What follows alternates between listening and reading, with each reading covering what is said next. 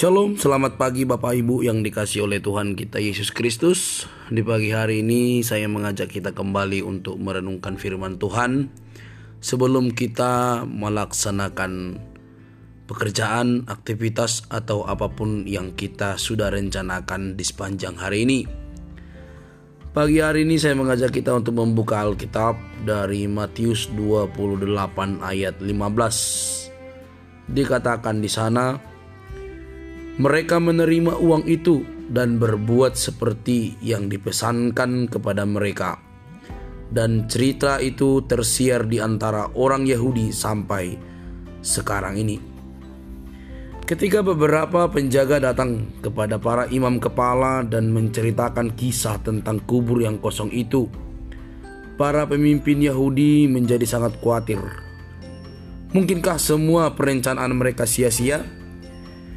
Mereka memiliki rencana yang jahat dari awal, dari kebencian, dari ketidaksukaan terhadap Yesus yang mengajar dengan hal yang luar biasa, dan rencana-rencana mereka dan intrik-intrik mereka berhasil mereka laksanakan sehingga benar mereka terpuaskan dengan Yesus disalib mati.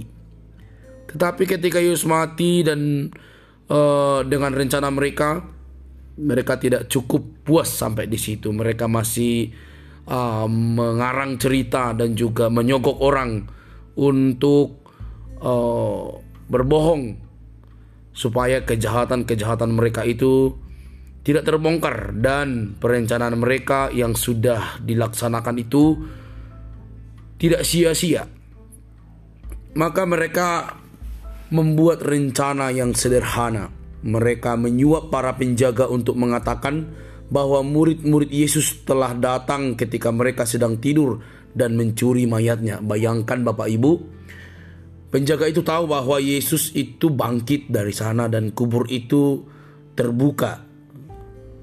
Tetapi dengan sengaja mereka menyuap penjaga supaya mengarang cerita atau membuat berita hoax dengan berkata murid-murid Yesus mencuri mayat Yesus ketika mereka sedang tertidur. Menarik sekali kejahatan mereka ini sekaligus kejahatan itu, kebohongan itu terus terjadi di kalangan orang Yahudi hingga sekarang ini. Bapak Ibu yang dikasih oleh Tuhan sangat menarik untuk memperhatikan cara-cara yang digunakan oleh para penguasa Yahudi dalam usaha mereka yang putus asa untuk melenyapkan Yesus. Mereka menggunakan pengkhianatan untuk menangkapnya. Mereka menggunakan cara-cara ilegal untuk mengadili dia. Mereka menggunakan fitnah untuk mengajukan kepada Pilatus.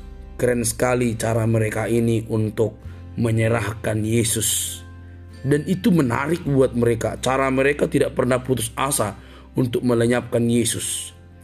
Mereka penguasa dan mereka tahu cara bagaimana melenyapkan Yesus dengan cara intrik-intrik mereka yang jahat. Bapak Ibu yang dikasih oleh Tuhan dan sekarang mereka menggunakan suap untuk membungkam kebenaran tentang Yesus dan mereka gagal. Bapak Ibu yang dikasih oleh Tuhan, apakah hanya di kalangan mereka hal ini terjadi? Kemungkinan tidak.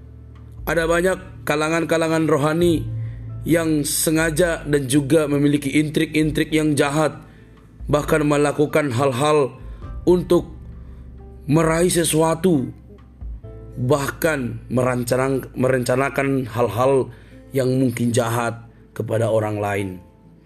Hal itu tidak boleh ditemukan di, di dalam tubuh Kristus. Hal itu harus dijauhkan daripada kita. Sebagai orang percaya, saya pernah mendengar sebuah kisah bahwa tubuh Kristus itu harus maju bersama-sama, membangun sama-sama.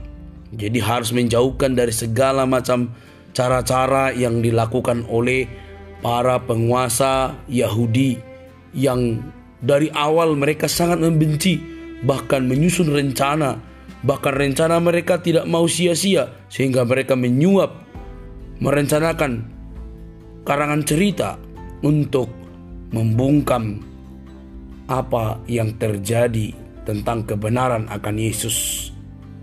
Apa yang terjadi? Mereka gagal. Bapak Ibu yang dikasih oleh Tuhan, hal yang harus kita pikirkan dan waspadai. Kejahatan berupaya dengan cara apa pun pada akhirnya akan gagal. Kebohongan walaupun lari secepat kilat, secepat mungkin, kebenaran pasti akan mengalahkannya.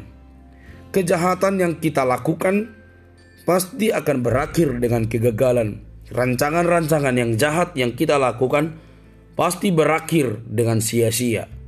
Tuhan tidak pernah membiarkan hal itu terjadi. Bapak Ibu yang dikasih oleh Tuhan, Amsal 26 ayat 26 dikatakan, Walaupun kebenciannya diselubungi tipu daya, kejahatannya akan nyata dalam jamaah. Hati-hati, walaupun kebenciannya diselubungi tipu daya, kejahatannya akan nyata dalam jamaah. Jamaah, jemaat akan melihat segala apa yang kita lakukan. Perjalanan seorang penipu ada ujungnya. Pada satu titik semuanya akan ditelanjangi dan terbuka lebar serta memalukan. Ingatlah akan hal itu.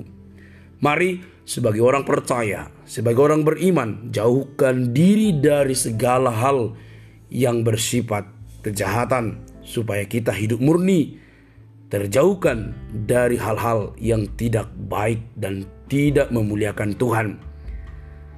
Semua pasti ada ujungnya. Kejahatan akan gagal. Seorang penipu pasti ada ujungnya. Semua akan ditelanjangi, terbuka lebar, dan itu akan memalukan. Mari kita berkaca dan berdoa secara pribadi supaya hati kita murni di hadapan Tuhan. Tuhan memberkati kita. Shalom.